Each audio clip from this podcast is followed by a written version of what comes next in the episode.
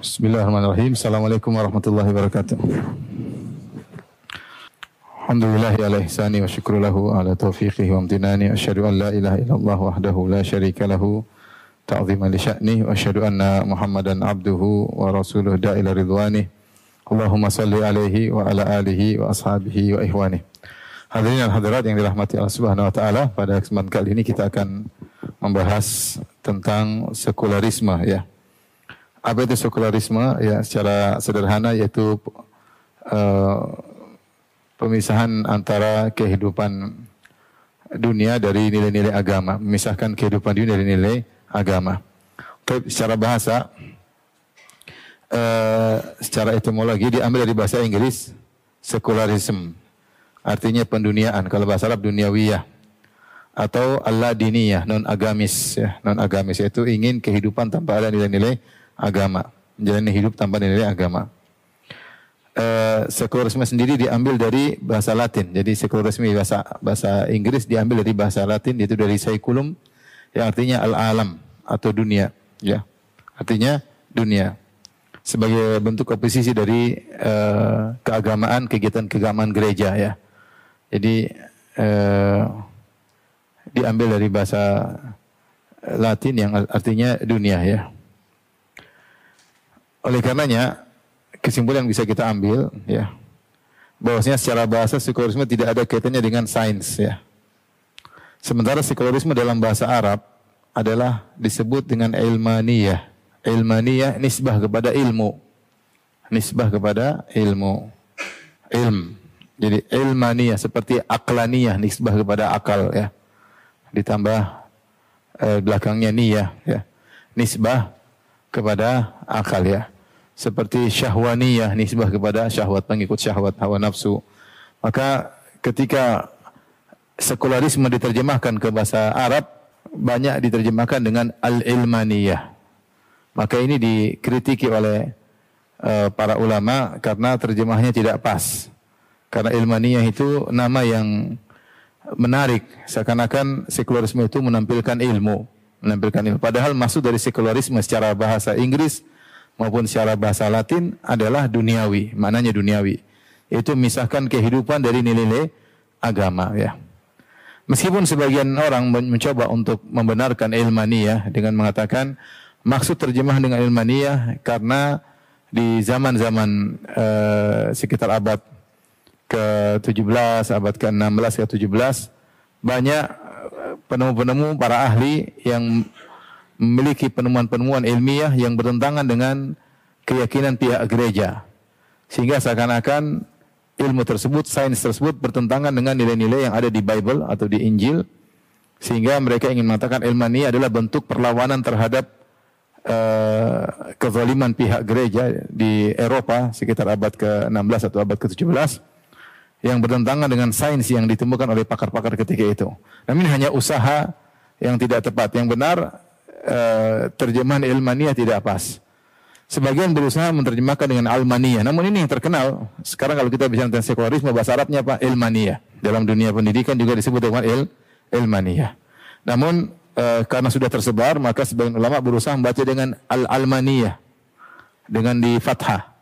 Al-almaniyah karena almaniyah uh, maknanya dari alam, maknanya dari alam. Al-almaniyah katakan dari alam itu duniawi. Maka mungkin kalau kita intinya ini sekedar uh, penjelasan bahwasanya ilmaniyah adalah terjemahan yang tidak tepat dari Inggris atau dari Latin ke bahasa Arab. Mungkin yang lebih tepat kita baca al-almaniyah dengan menfatahkan huruf ain karena al-alam uh, ada yang mengatakan dari makna alam yaitu maknanya adalah duniawiyah. Inti dari sekularisme artinya dunia oh iya, yaitu ingin memisahkan kehidupan ini dari nilai-nilai keagamaan. Itulah sekularisme ya. Sampai sini paham? Ya. Baik, kita lanjutkan. Uh, sekularisme secara istilah atau terminologi ya. Uh, ada dua istilah yang mirip ya tentang penjelasan sekularisme. Ini istilah. Istilah pertama sekularisme parsial sama sekularisme totalitas. Sekularisme parsial, sekularisme totalitas. Apa yang dimaksud dengan sekularisme parsial? Parsial yang disebut dengan almaniyah al-juz'iyah. Almaniyah. Yaitu memisahkan negara dari agamanya. Tidak seluruh kehidupan kemudian harus non agamis, tidak. Tapi hanya urusan-urusan undang-undang negara yang non agamis.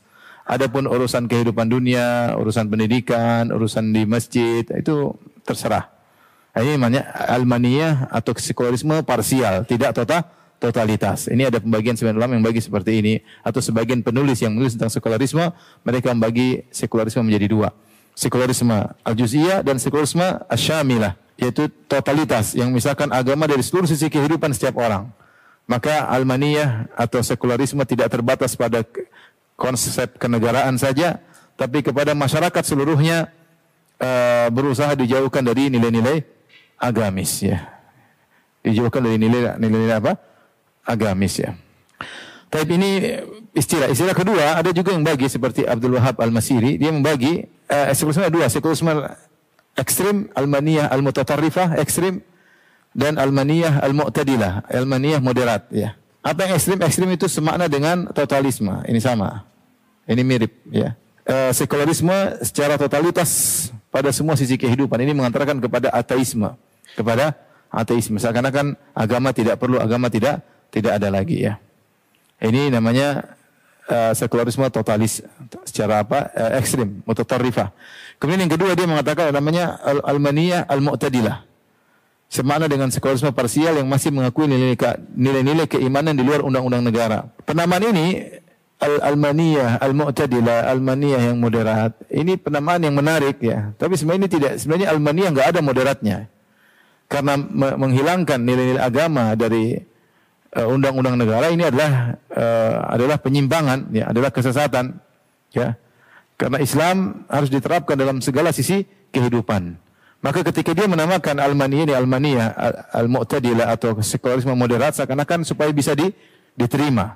Ya, mesti nama yang tidak disetujui oleh para ulama. Meskipun mereka menamakan dengan nama yang indah. Mereka tahu bahwasanya Almaniyah tidak benar. Ya. Tapi mereka seakan-akan ada sisi yang boleh kita Almaniyah, ada sisi di, boleh kita melaksanakan sekularisme misalnya dalam urusan konsep negara, undang-undang negara sehingga mereka namakan sekularisme yang moderat ya, yang moderat. Uh, karena dalam sekularisme yang moderat ini mengakui nilai-nilai agama di luar dari kenegaraan ya. Tapi ini pun tidak pas karena sekularisme tidak ada yang moderat. Semua sekularisme yang ingin menghilangkan nilai agama dari mana pun, baik dari sisi kehidupan kenegaraan atau kehidupan sosial, ini semua adalah kesesatan tidak diterima dalam dalam Islam nanti sebagaimana akan kita jelaskan. Dari sini ada sebagian ulama juga yang menulis tingkatan-tingkatan sekularisme. Tingkatan pertama yang paling uh, rendah adalah misahkan agama dari negara. Misahkan agama dari negara. Itu fasluddin anid daulah. Fasluddin anid daulah. Ini yang biasanya diserukan oleh uh, negarawan-negarawan yang terpengaruh dengan sekularisme.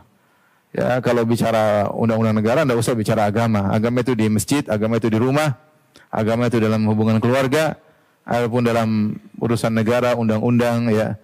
Maka ini harus dipisah dari nilai-nilai agama. Ini sekularisme yang paling rendah. Yang paling apa? Rendah. Namun ini pun sudah salah ya. Fasluddin anid daulah. Memisahkan agama dari dari negara. Negara tidak boleh ada urusan dengan keagamaan. Kemudian yang kedua, yang lebih parah, memisahkan agama dari kehidupan secara umum. Seperti dalam pengajaran, pendidikan dan pernikahan. Fasluddin an mumarasati daurihi fil hayatil amah memisahkan agama dari perannya dalam kehidupan sosial secara umum. Tidak ada agama dalam pendidikan, tidak ada agama dalam pernikahan. Ya ini mulai di apa namanya di ditekankan. Jadi lebih parah daripada tingkatan yang pertama. Kalau yang pertama masih tingkatan negara saja, yang kedua lebih parah. Ya bukan hanya di dalam undang-undang negara, dalam kehidupan sosial pun sudah nggak usah pakai agama. E, nikah tidak ada bicara agama, Uh, kemudian juga uh, dalam pendidikan tidak usah bicara agama, dalam jual beli tidak perlu pakai agama. Udah kita bicara uh, secara dunia aja, secara dunia aja. Nggak, jangan jangan pakai label agama karena kalau pakai label agama menghalangi menghalangi aktivitas, menghalangi kreativitas ya. Dan banyak hal yang harus terhalangi ya. Menghalangi keuntungan dan macam-macam. Oleh karenanya tidak perlu bicara agama. Ini lebih parah daripada yang pertama. Lebih parah lagi ateisme. Ini lebih parah lagi di sebagian disuruhkan oleh sebagian tokoh-tokoh tokoh-tokoh sekularis bahwasanya tidak ada Tuhan ya. Sampai pada masalah uh, setiap pribadi seorang tidak perlu ada agama yaitu fasluddin an hayatil fard wal mujtama ala haddin sawa. Memisahkan agama bukan hanya dalam kehidupan sosial, bahkan kehidupan pribadi masing-masing tidak perlu pakai agama. Ini lebih parah lagi. Ini sekularisme sampai pada tingkat ateisme. Karena seakan-akan tidak ada tidak ada Tuhan sama sama sekali. Ini yang paling yang paling penting tingkatan kerusakan ya itu tingkatan kerusakan sekularisme. Paham ikhwan dan akhwat? Paham ya? Baik. Eh, kita lanjutkan. Wujud sekularisme dari berbagai bidang, ya ini mazahir, wujud-wujud contoh-contoh praktek ya, itu praktek. Wujud atau praktek eh, sekularisme di berbagai bidang. Ini berbagai contoh di sini, bidang politik misalnya, kemudian bidang ekonomi misalnya, bidang tarbiyah dan akhlak misalnya. Ini hanya sebagian sampel aja, misalnya bidang sport, olahraga, Eh, bidang pendidikan misalnya ya. Misalnya eh, tentang politik atau undang-undang ya. Sudah tidak usah pakai hukum Islam. Pemimpin tidak harus bertakwa. Pemimpin siapa aja boleh. Pemimpin tidak harus bertakwa. Pemimpin tidak harus apa? Islam. Ya sudah kita nggak ada bicara agama. Mau kafir, mau muslim, mau laki perempuan, mau agamanya rusak, nggak ada masalah. Yang penting dia ngurus negara benar. Yang penting dia ngurus negara apa? Benar. Ditinjau dari sisi duniawi ya. Ditinjau dari sisi apa? duniawi. Padahal dalam Islam tugas pemimpin bukan cuma urusan duniawi, dia juga mengurusin keagamaan masyarakat.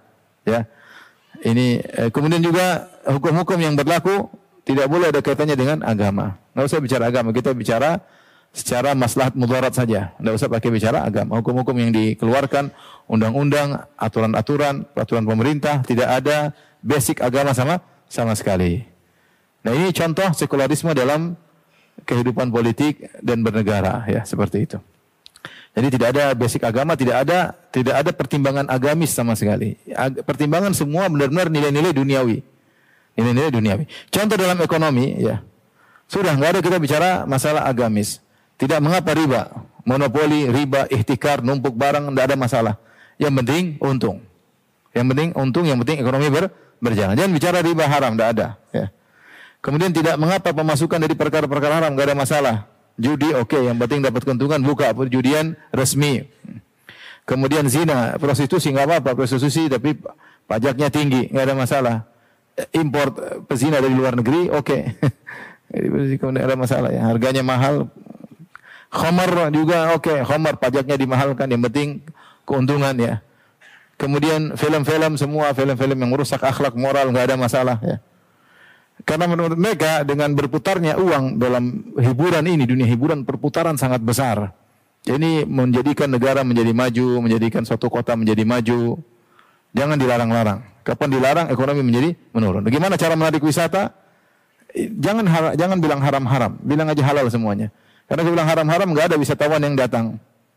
Wisatawan yang datang tidak ada. Sebagian tempat-tempat indah, tapi tidak ada fasilitas maksiat. Wisatawan nggak ada yang datang. Turis nggak ada yang datang. Padahal lebih indah daripada sebagian tempat. Indah sekali. Namun tidak ada fasilitas untuk disco, tidak ada fasilitas untuk minum khamar, tidak ada fasilitas untuk gay, tidak ada fasilitas untuk prostitusi. Nggak ada yang datang wisata. Hanya wisata yang sejati yang datang, turis sejati. Yang benar cari apa? Keindahan. Kebanyakan turis bukan cuma mencari keindahan, mencari kelezatan syahwat. Sehingga dia mencari tempat yang di situ ada keindahan plus plus plus plus ya. Plus plus plus. Oleh karenanya dengan membiarkan ini semua, maka perputaran uang, ekonomi semakin maju. Karena pertimbangan mereka bukan pertimbangan agamis, pertimbangan sekularisme atau para sekularis adalah uh, bagaimana keuntungan bisa diraih sebanyak-banyaknya. Sehingga semua perkara-perkara yang haram kalau mendatangkan keuntungan tidak jadi masalah, tidak jadi masalah. Oleh karenanya tidak mempedulikan zakat. Mereka tidak tidak zakat tidak usah diperhatikan. Yang penting pajak yang berlebihan bagaimana bisa didapatkan. Terutama barang-barang haram, pajaknya semakin besar ya. Karena peminatnya biasanya orang berduit ya. Maka dibolehkan yang penting pajaknya besar. Semua pertimbangan tidak pertimbangan agama, tidak ada pertimbangan merusak moral ini, membuat rumah tangga rusak, membuat perceraian semakin tinggi, anak-anak tidak terdidik. Tidak ada, ada pertimbangan seperti itu. Pertimbangan pokoknya duit banyak. Duit banyak. Ini contoh praktek sekularisme dalam kehidupan sehari-hari. Karena semua yang dipertimbangkan adalah materi, materi, materi. Gimana memperoleh materi sebanyak banyaknya. Kemudian juga misalnya dalam tarbiyah dan akhlak. Tarbiyah dan akhlak semua pertimbangan akhlak bisa berubah, yang haram bisa jadi halal sesuai kebutuhan dunia. Apa yang dulu haram sekarang bisa jadi halal. Apa yang dulu haram sekarang bisa jadi halal. Selama itu bermanfaat bagi ekonomi atau dunia, akhlak bisa dirubah. Nikah sejenis tidak jadi masalah, kelainan seksual tidak jadi masalah, tidak dianggap sebagai akhlak yang buruk. Bahkan mereka berusaha untuk menunjukkan ini perkara duniawi, nggak ada nggak usah kaitan dengan masalah agama ya. Kita dengan membuka peluang-peluang ini eh, ekonomi berkembang, wisatawan, wisatawan, turis-turis yang kelainan seksual bisa datang, kita fasilitasi. Jangan dilarang-larang, sehingga nanti eh, disebut negara radikal, biarin aja, biarin aja ya. Tidak ada, yang penting dia tidak mengganggu orang, itu akhlak yang mulia. Dia mau jalan cowok sama cowok, cewek sama cewek, ya coba bisa ACDC nggak ada urusan. yang penting yang penting ekonomi jalan dia tidak mau kamu.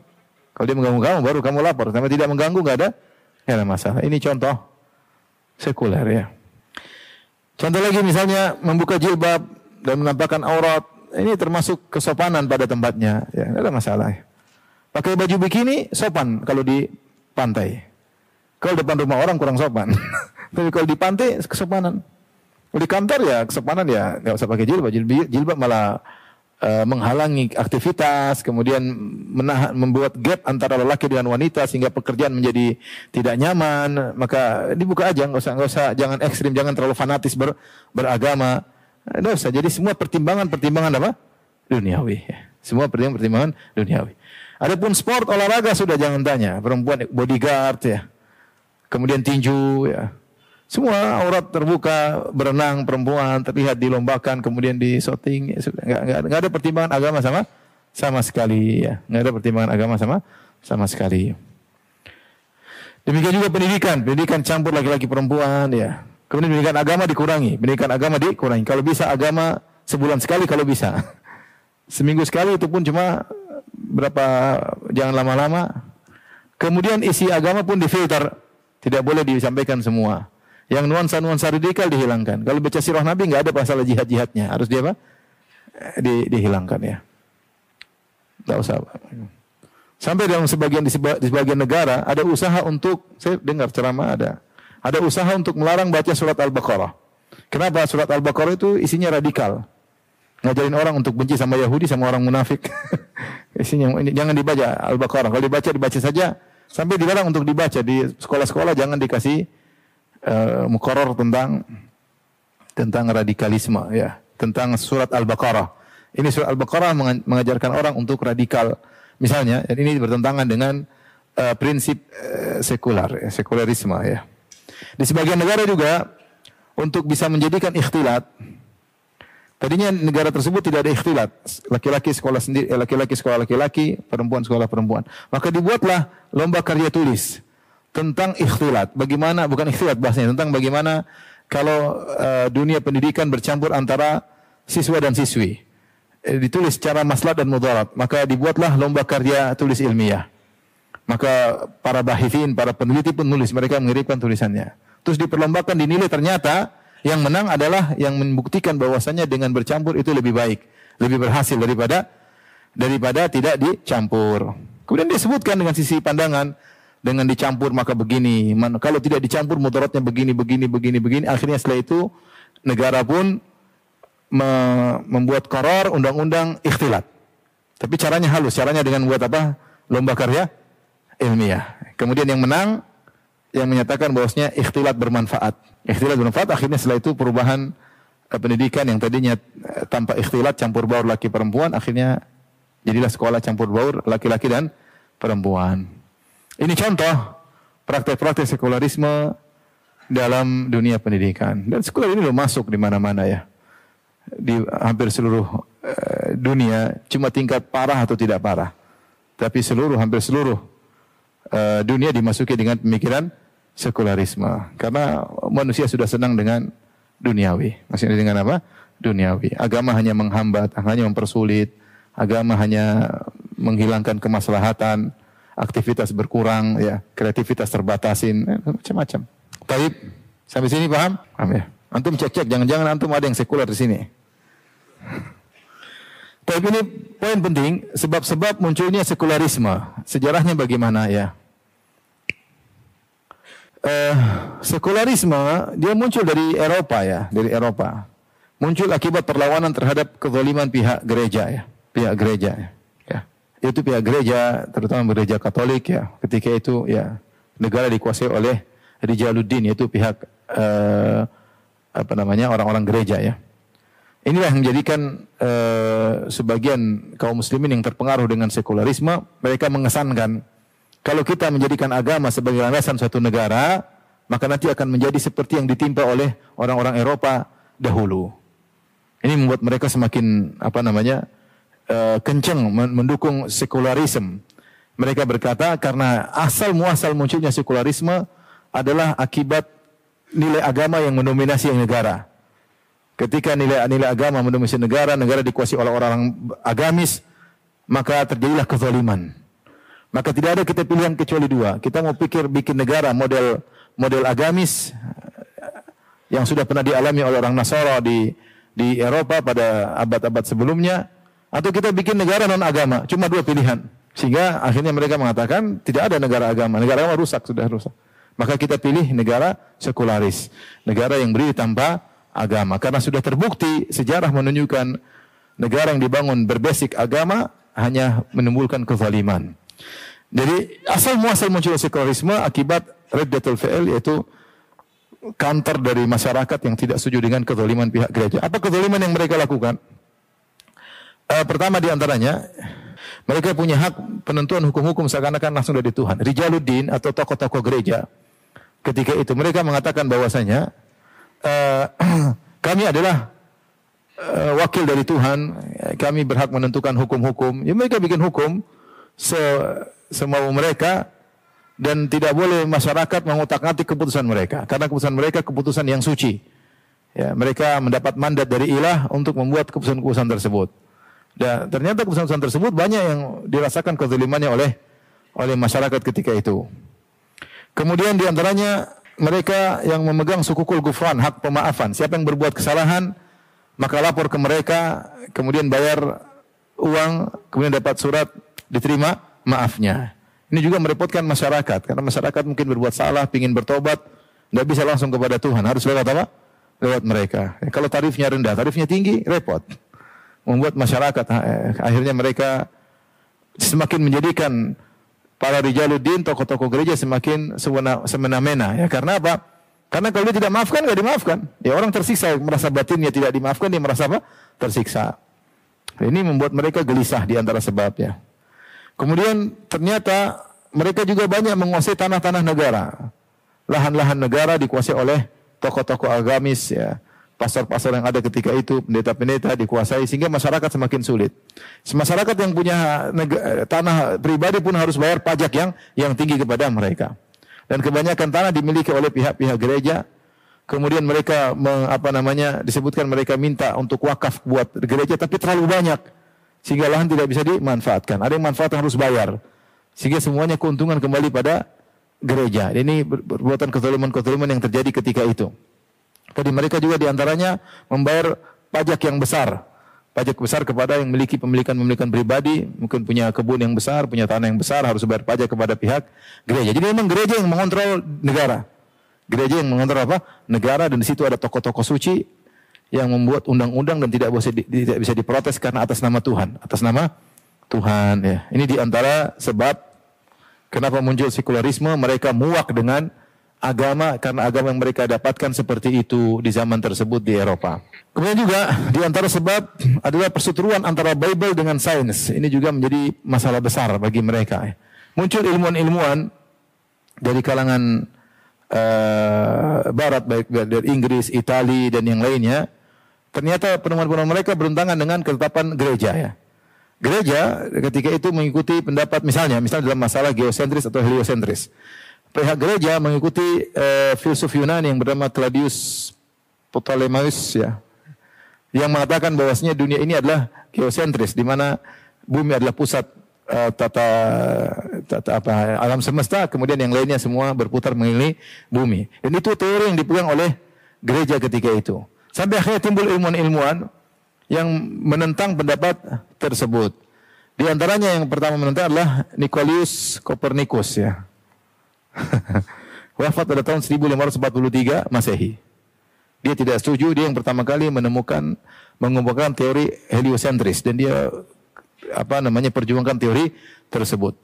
Kemudian dilanjutkan sampai akhirnya muncullah seorang namanya Bruno Bruno apa Bruno saya lupa ya. Di antum bisa lihat di di Wikipedia ada yang wafat tahun 1600. Kemudian dia berbicara tentang teori heliosentris bahwasanya matahari lah yang menjadi pusat apa? Pusat uh, alam semesta, bukan bukan bumi tapi matahari. Sementara bumi sebagaimana planet-planet yang lain mengitari matahari, mengitari matahari ya. Dan dia dibakar hidup-hidup ya. Tokoh ini dibakar hidup karena disebutkan dalam saya baca tadi di Wikipedia tentang sejarahnya, dia kesalahan dia bukan cuma masalah ini, tapi dia punya kesalahan juga terkait masalah keyakinan. Tapi di antara yang memicu mereka tidak suka dengan dia karena dia membuat teori yang bertentangan dengan keyakinan pihak gereja. Gereja meyakini bahwasanya eh, alam semesta yang mengitari apa? Bumi. Bumi adalah pusat alam semesta teori geosentris. Kemudian saya muncullah Galileo Galileo Galilei yang wafat 1640 1642 ya. Yang Galileo Galilei memperkuat teori heliosentris ya sampai akhirnya ditangkap. Ditangkap, di penjara gara-gara dia mengatakan dia menemukan teleskop kemudian dia melihat dia melihat bahwasanya dengan perhitungannya dengan matematikanya dengan teleskopnya ini dia berkesimpulan bahwasanya bukan bumi yang diitari tapi bumi yang mengitari mata matahari. Ini bertentangan dengan keyakinan gereja maka dia pun ditangkap. Mulailah muncul ilmuwan-ilmuwan yang mereka punya pengaruh terhadap masyarakat. Ternyata penemuan mereka bertentangan dengan apa? Uh, dengan keyakinan-keyakinan pihak gereja. Yang sebagian gereja mengambil keyakinan mereka dari filsuf Yunani ini di antara sebab kenapa mereka muak dengan apa? Agama. Mulailah mereka tidak percaya dengan apa? Agama. Karena mereka melihat ini ilmu pasti atau ilmu sains. Kenapa bertentangan dengan agama? Kenapa gereja ngurusin masalah ini? Apalagi bertentangan dengan Bible. Bahkan disebutkan gereja dipaksa. Dipaksa untuk memegang Bible dan dia mengatakan saya uh, berhenti dari pemikiran kufur saya dan saya beriman dengan yang ada di Bible bahwasanya alam semesta mengitari apa? bumi ya. Intinya dia di penjara, dia di penjara sampai akhirnya meninggal meninggal dunia. Disebutkan juga bisa baca dalam uh, sejarah biografi Isaac Newton ya. Isaac Newton juga menemukan teori gravitasi, yang dia menyatakan bahwasanya secara sederhana bahwasanya alam ini ada gaya yang saling mengkaitkan di antara mereka. Ini disalahpahami oleh pihak gereja. Mereka mengatakan seakan-akan dia menafikan adanya Tuhan. Bahwasanya Tuhan tidak punya urut campur dalam urusan ini. Bahwasanya alam bergerak dengan sendiri. Padahal maksud maksud uh, Isaac Newton bukan demikian. Isaac Newton bukan demikian. Dia hanya menjelaskan fenomena alam dan dia bilang di balik ini ada Tuhan yang mengatur. Namun ternyata bertentangan dengan keyakinan pihak gereja yang meyakini bahwasanya alam ini tidak ada uh, tidak ada yang mengatur kecuali apa?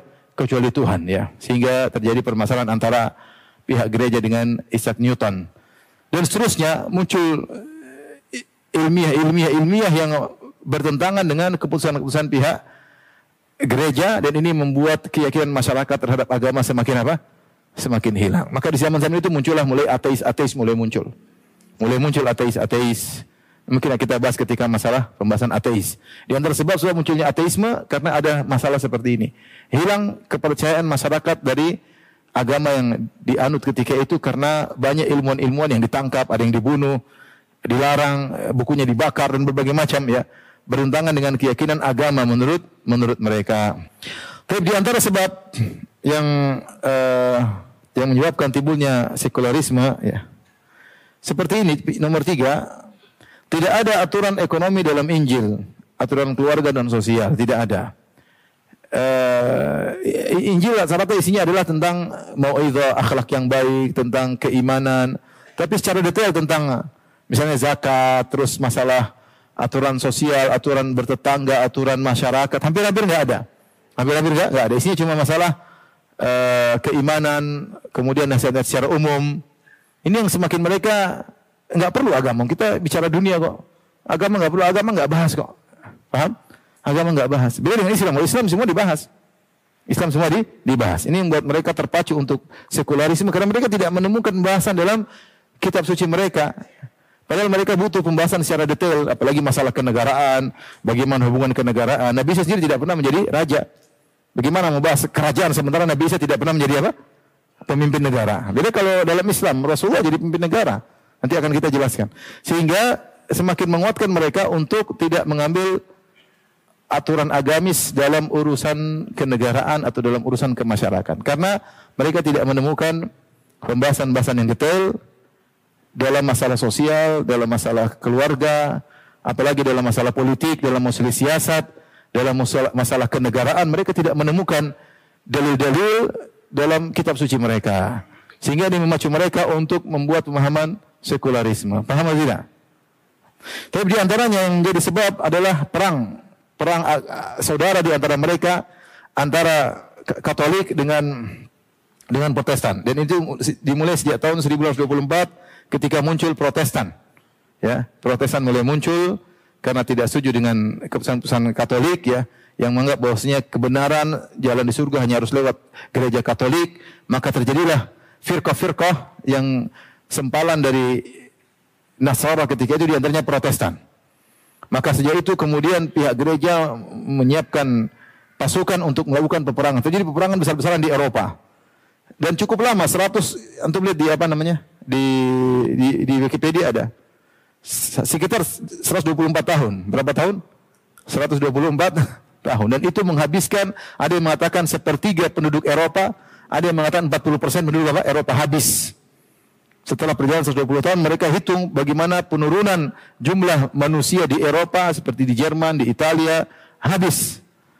Habis berkurang, ada yang bilang 30 persen, ada yang bilang 40 persen. Artinya banyak sekali yang terbunuh ketika itu.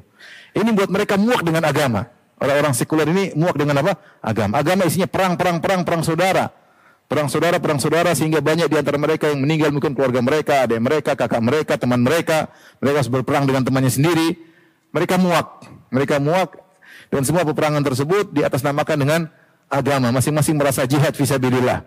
Ya, sehingga akhirnya terbunuh selama perang agama saudara 124 tahun atau 120 tahun terbunuh hampir sepertiga penduduk Eropa habis ketika itu gara-gara perang antara Katolik dengan Protestan. Dan diakhiri nanti dengan perdamaian semua agama diakui.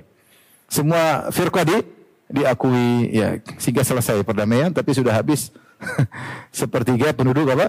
Eropa. Alhamdulillah kita nggak ikut-ikutan waktu itu.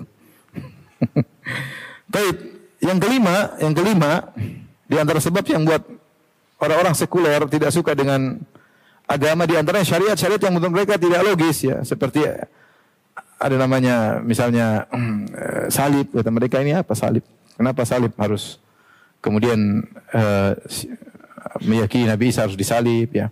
Termasuk Isaac Newton nanti baca di Wikipedia di antara pemikiran agama dia dia bilang siapa yang menyembah Yesus itu menyembah berhala saya juga, wah oh, ini tauhid ini Isaac Newton. ada dan anda baca di Wikipedia, itu baca Wikipedia, Isaac Newton pemikiran agamanya. Di antara dia pemikiran seperti dia mengatakan yang menyembah Yesus sebagai Tuhan itu seperti menyembah apa? Menyembah berhala ya. Dia mungkin punya pikiran tersendiri. Tapi intinya, intinya uh, ada pikiran-pikiran yang menurut mereka tidak logis, seperti dosa turunan. Bahwasanya Nabi Adam alaihissalam ketika berdosa dosanya turun menurun sampai manusia sampai hari kiamat. Yang dosa-dosa ini tidak pernah dibicarakan oleh nabi-nabi sebelumnya. Dosa, kan yang manusia pertama siapa? Nabi Adam. Terus Nabi Nuh dan nabi-nabi lainnya banyak. Nabi-nabi Bani Israel, Nabi Musa, Nabi banyak sekali Nabi Sulaiman, Nabi banyak sekali nabi-nabi, Nabi Ayub banyak sekali. Nabi Ibrahim banyak sekali. Ini semua nabi-nabi tidak pernah ngomong tentang dosa turunan. Nanti di zaman Nabi Isa baru berbicaralah para pendeta-pendeta yang mengatakan ada namanya dosa turunan. Dosa tersebut begitu manusia lahir dia sudah membawa dosa turunan dari Nabi Adam alaihissalam. Maka untuk ditebus Allah harus kirim anaknya Nabi Isa untuk menebus dosa turunan tersebut. Maka barang siapa yang beriman Nabi Isa sebagai penembus dosa maka dia akan masuk sur surga. Ini banyak hal yang saya sudah bahas dalam sini banyak hal yang tidak tidak logis. Saya kalau sudah ditebus selesai. Nabi Yesus sudah salib ditebus ya sudah kita semua masuk surga. Dosa turun tersebut sudah hilang. Sudah ditebus atau belum? Sudah ditebus atau belum? Sudah, sudah selesai. Tidak harus beriman dengan dia, yang penting sudah ditebus kan? Baik, di, kemudian yang kedua, dibandingkan dosa turunan dengan dosa yang dilakukan, dosa turunan cuma makan buah di surga. Baik, dosa selain itu kan masih banyak. Seandainya saya beriman dengan Nabi Isa sebagai penebus dosa turunan, apakah saya masih selamat? Padahal dosa-dosa lain masih banyak. Paham tidak? Tapi kalau saya beriman Nabi saya sebagai penebus dosa turunan berarti sudah selesai. Tapi dosa dosa yang gimana? Apa otomatis juga diampuni? Atau bebaskah kita bermaksiat sebanyak-banyaknya yang penting meyakini Nabi sebagai penebus dosa? Ini banyak hal yang eh, mereka bahas ya. Mereka tidak tidak logis. Seperti ada acara acara Rabbani makan malam, kemudian ada khamar khamar ibarat dari darahnya Nabi Isa, kemudian daging ibarat apa mereka makan daging Nabi. Ini banyak hal yang mereka tidak uh, tidak logis. Sukukul gufran kalau minta maaf harus pergi ke uh, uh, pastor kemudian mengakui kesalahan-kesalahan bukan langsung kepada Tuhan. Harus kenapa harus lewat dia? Ini banyak syarat-syarat yang menurut mereka tidak logis baik secara akidah maupun secara muamalah membuat mereka akhirnya tidak percaya lagi atau kurang kepercayaan mereka terhadap agama. Ini semua sebab munculnya sekularisme. Munculnya sekularisme. Baik. Paham? Baik, kita lanjut. Dari sini kita tidak mengingkari ikhwan, ada sekularisme dalam dunia Islam ini ada. Ada sekularisme di Eropa. Tapi beda antara sekularisme di dunia Eropa, di dunia Barat dengan sekularisme di dunia Islam. Yang pertama, pertama sekularisme di Eropa adalah akibat perlawanan terhadap kondisi keagamaan yang tidak nyaman, yang tidak nyaman. Jadi eh, akibatnya memang masyarakat yang memilih memilih sekularisme. Mereka pilih sekularisme karena ketidaknyamanan dengan aturan-aturan apa? Gereja. Jadi Eropa senang dengan sekuler. Mereka terima sekuler karena kondisi agama, keagamaan yang tidak apa? Yang tidak nyaman. Tadi sudah kita sebutkan. Sehingga mereka dengan dengan lapang dada menerima sekularisme. Tapi kalau kita bicara tentang Islam, sekularisme tidak cocok dengan Islam. Kenapa? Karena Islam adalah agama yang mengayomi, bukan mendolimi masyarakat, malah mengayomi. Antum baca sejarah tentang bagaimana penaklukan Persia dan Romawi oleh kaum muslimin. Kebanyakan mereka senang di bawah naungan kaum muslimin. Bagaimana Amr bin As menaklukkan kota Mesir yang lama dikuasai oleh Romawi. Ketika Amr bin As menaklukkan kota Mesir, tidak ada penduduk Mesir yang menyerang Islam. Mereka malah senang dikuasai oleh apa? Islam. Karena terlepas dari cengkeraman Romawi yang berbuat zalim kepada mereka, yang pajak sangat banyak. Sehingga mereka merasa nyaman dalam naungan apa? Islam. Ya. Oleh karenanya Islam kita tidak ada bahasa sejarah orang benci dengan agama. Mana sejarah tidak ada? Benci dengan aturan agama nggak ada. Itu muncul belakangan setelah terpengaruh dengan sekularis dari dari Eropa. Asalnya orang bangga dengan hukum Islam, senang, nyaman, tentram, bagaimana damainya Islam, bagaimana adilnya Islam bahkan bermuamalah dengan non muslim. Sebagian saya sudah pernah ceritakan tentang kisah Ali bin Abi Thalib yang kemudian dia eh, ada masalah dengan seorang, ada orang mencuri barangnya, kemudian Ali bin Abi Thalib sampaikan kepada Syuraih Al-Qadhi, bosnya barang saya dicuri oleh si fulan Yahudi atau Nasrani. Akhirnya dimasukkan di maju, maju, meja persidangan. Kemudian kata Ali bin Abi Thalib, kata Qadhi, itu barangmu. Kata Ali bin Abi Thalib, ya ini barang saya. Wahai Nasrani atau Yahudi, ini barangmu, ya ini barang saya. Maka al-bayyina alal mudda'i. Aturannya dalam Islam, yang ngaku-ngaku harus tunjukkan bukti. Nah, barang itu kan dipegang oleh Yahudi. Atau Nasrani. Saya pokoknya ahli kitab. Dipegang oleh ahli kitab. Sementara barang di Alkitab ini diakui oleh Amirul Mukminin. Ketika itu Amirul Mukmininnya siapa? Ali bin Abi Thalib. Maka Syuraih Al-Qadhi berkata, "Wahai Amirul Mukminin, mana buktinya ini barangmu?" Maka Ali pun tersenyum. Dia tidak ada. Tidak ada bukti. Dia tahu bahwa ini barang akan jadi milik apa? Yahudi. Akhirnya Al-Qadhi Syuraih memilih bahwa ini barang milik Yahudi. Sudah Yahudi pergi, senang. Ketika dia keluar dia balik lagi, dia ingin agama yang benar. Bayangkan saya masalah dengan raja, ternyata saya yang menang. Saya yang menang dan mereka benar-benar menjalankan akhirnya masuk Islam. Akhirnya masuk Islam. Bagaimana ada negara yang seperti itu luar luar biasa ya. Jadi Islam negara Islam yang pernah berjalan mengayomi. Kita lihat bagaimana sejarah di zaman Nabi SAW, di zaman para sahabat mengayomi. Bahkan ekspansi-ekspansi dilakukan mereka nyaman ya dengan adanya pemerintahan Islam. Bahkan melepaskan mereka dari genggaman Romawi atau Persia yang zalim kepada rakyat yang zalim kepada rakyat. Kemudian tersebarnya sekularisme ini perhatikan poin yang penting. Tersebarnya sekularisme di di, di di dunia Islam adalah bukan bukan pilihan tapi dipaksa. Dipaksa dengan penjajahan, dengan senjata, dengan pembunuhan, dengan paksa dirubah hukum. Akhirnya dibuat masyarakat senang dengan maksiat, akhirnya mereka nyaman. Asalnya mereka tidak nyaman. Mereka tidak mau terima sekuler. Mereka bertahan dengan apa? Dengan khilafahnya, dengan daulah Islamiyahnya, mereka bertahan. Tapi ketika dipaksa dengan penjajahan, akhirnya mau nggak mau mereka dicocokin dengan maksiat. Ketika masyarakat jauh dari agama, dengan maksiat ya sudah mereka nyaman dengan sekuler. Nyaman dengan apa? Sekuler. Nyaman kalau tidak beragama. Tapi asalnya mereka tidak terima. Jadi tidak bisa disamakan antara sekuler yang timbul di dunia Islam dengan sekuler timbul di dunia barat. Dunia barat adalah kesenangan bagi mereka untuk sekuler bentuk apa namanya oposisi dari pihak gereja, pihak keagamaan. Adapun dunia Islam tidak dipaksa.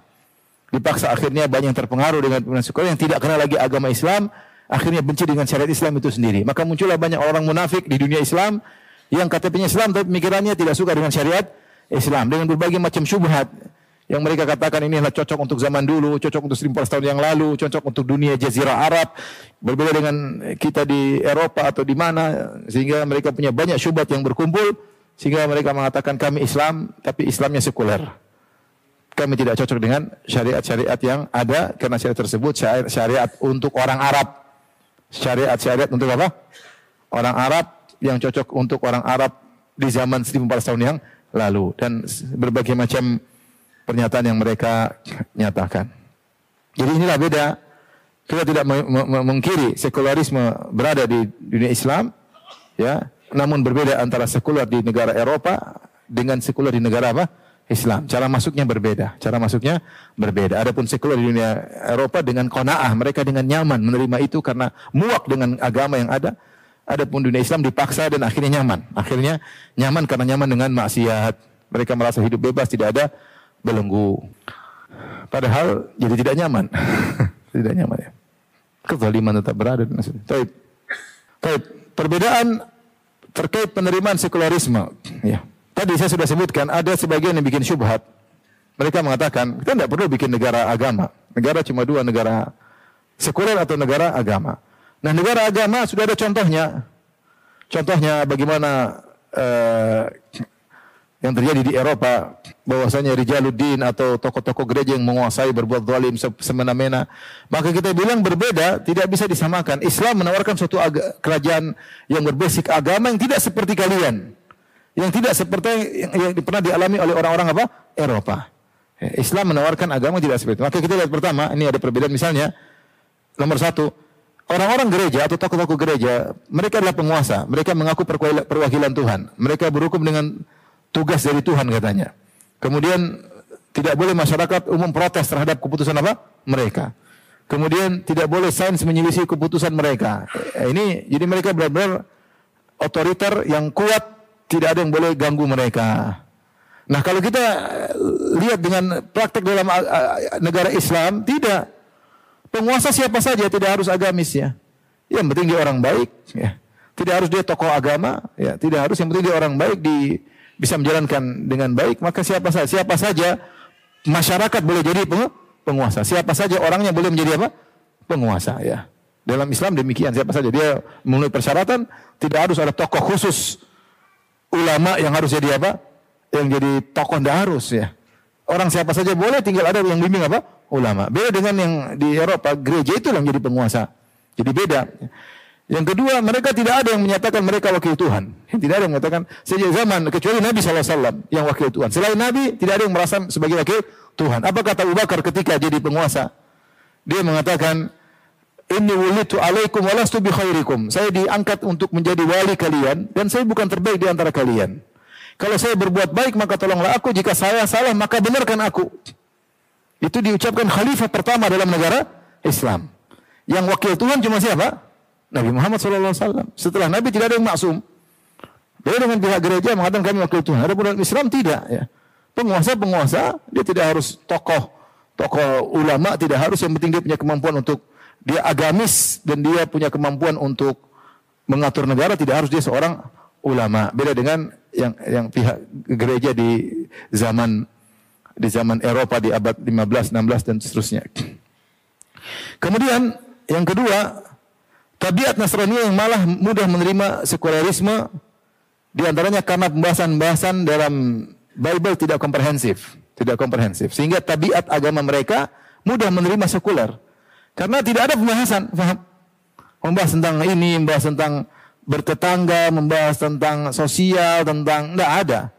Apalagi hubungan kenegaraan, eh, ketika terjadi perang misalnya atau perdamaian tidak ada dibahas.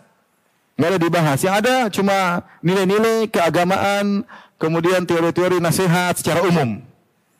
Sehingga tidak ada pembahasan hukum-hukum sosial, kemasyarakatan secara kemasyarakatan apalagi kenegaraan secara detail.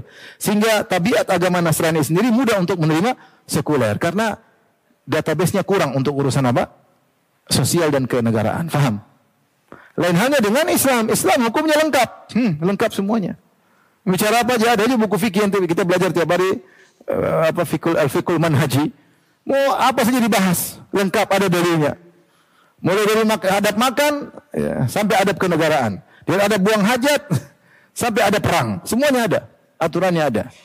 Aturannya ada. Sehingga lengkap. Dan saya, saya pernah bahas dalam pembahasan spesifik. Saya menyatakan bahwasanya di antara di antara jadi uh, Imam Ibnu Katsir dalam Bidayah wa Nihayah menyebutkan mukjizat ada dua model. Sama yang pertama namanya al-mukjizat al-hissiyah, mukjizat yang nampak indrawi seperti mata bulan terbelah, kemudian Nabi keluar air dari jari-jarinya, kemudian makanan sedikit jadi banyak, air sedikit jadi banyak, Nabi berdoa orang tiba-tiba sembuh dan banyak hal ya. Banyak hal namanya eh, mukjizat indrawi atau hisi. Ada mukjizat namanya mukjizat maknawiyah yaitu abstrak. Ibnu Katsir menyebutkan tiga. Yaitu Al-Qur'anul Karim. Dia maknawi tapi mukjizat. Kemudian sirah nabawiyah dan akhlak Nabi SAW. Ini tiga-tiga adalah mukjizat. Saya punya ceramah judulnya mukjizat akhlak Nabi. Ya. Uh, saya punya ceramah juga baru tentang mukjizat Al-Quran tapi belum selesai.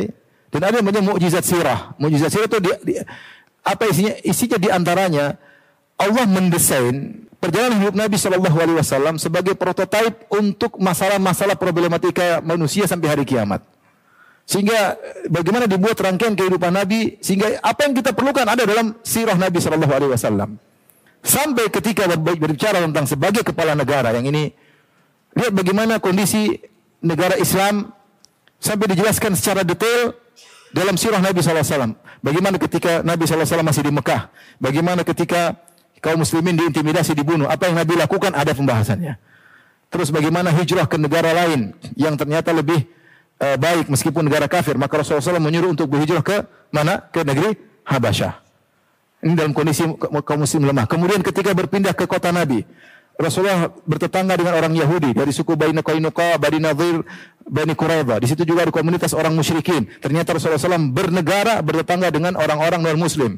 Maka dibuatlah namanya Piagam Madinah, Wafiqatul Madinah. Bagaimana aturan kenegaraan antara orang-orang berbeda agama dalam satu negara dalam bela negara ada aturan-aturannya. Kemudian bagaimana terjadi pengkhianatan? Mulai dari Bani Qainuqa berkhianat, kemudian diusir, kemudian Bani Bani Nadir berkhianat, kemudian bagaimana pengkhianatan Bani Quraidah Bani Quraidah ketika berkhianat ketika kaum muslimin sedang dikepung oleh 10 ribu pasukan dalam perang Ahzab sehingga mereka harus dibunuh. Kenapa ini Bani Qainuqa, Bani Nadir diusir, kok Bani Quraidah dibunuh? Dibahas oleh para ulama. Ini bagaimana hubungan negara Islam dengan negara non muslim dalam posisi negara Islam dalam kondisi lemah, dalam posisi perang, maka ada perang Badar, ada perang Uhud, ada perang apa? Khandaq. Kemudian juga ternyata ada hubungan kenegaraan dengan namanya perdamaian, ada namanya perjanjian Al-Hudaybiyah. Perdamaian antara kaum muslimin dengan negara kafir. Ada juga hubungan. Kemudian juga ada koalisi, koalisi ketika terjadi perjanjian uh, ketika Fatu Makkah, uh, bukan Fatu Makkah, ketika perjanjian Hudaybiyah antara kaum muslimin dengan Quraisy ketika itu ada dua orang musyrik, dua suku musyrik yang bertengkar. Yang satu namanya kabilah Khuza'ah, yang satu namanya kabilah Banu Bakar. Mereka ini sama-sama musyrik dan mereka bertengkar. Ketika kaum muslimin berdamai dengan Quraisy, maka Khuza'ah yang musyrik berkoalisi sama kaum muslimin. Banu Bakar yang musyrik berkoalisi sama apa? Quraisy. Ternyata dalam dalam Islam juga ada koalisi antara negara muslim dengan negara kafir. Ada. Ada dicontohkan oleh Nabi Shallallahu Alaihi Wasallam. Kemudian akhirnya Bani Bakar berkhianat. Pada dua tahun setelah perjanjian Hudaybiyah, mereka membunuh Bani Khuza'ah. Ada orang Khuza'ah dibunuh. Koalisinya kaum muslimin. Maka Khuza'ah lapor kepada Nabi SAW, maka terjadi Fatu Makkah. Rasulullah membela koalisinya. Kemudian menyerang apa? Kota Mekah. Ini semua ada aturannya. Demikian juga ada aturan Rasulullah SAW memaafkan. Musuh sudah ditangkap, dimaafkan. Untuk urusan kenegaraan saja, detail yang menunjukkan bahwasanya hubungan negara Islam dengan negara non muslim bukan perang selalu, tidak harus perang. Terkadang perang, terkadang mengalah, terkadang berdamai, terkadang berkoalisi. Sirah Nabi lengkap. Dan ini di antara mukjizat sirah Nabi Shallallahu Alaihi Wasallam. Kita bicara tentang masalah keluarga, lengkap nggak? Nabi masalah keluarga lengkap. Nabi pernah eh, istri cuma satu, pernah. Nabi pernah apa? Berpoligami dan dia praktisi terbaik dalam poligami. Kemudian Nabi istrinya pernah uh, marah-marah, Nabi pernah meninggalkan mereka, Nabi pernah mencerai, banyak kejadian-kejadian yang kita bisa mengambil pelajaran oh beginilah rumah tangga yang terbaik. Maka di antara mukjizat maknawi milik Nabi SAW mukjizat sirahnya. Maka kata Ibnu Hazm rahimahullahu taala, fa innahu man ta'ammala siratan Nabi sallallahu alaihi bisidqin, siapa yang baca sirah Nabi dengan benar, maka dia harus masuk Islam. Harusnya dia akan masuk apa?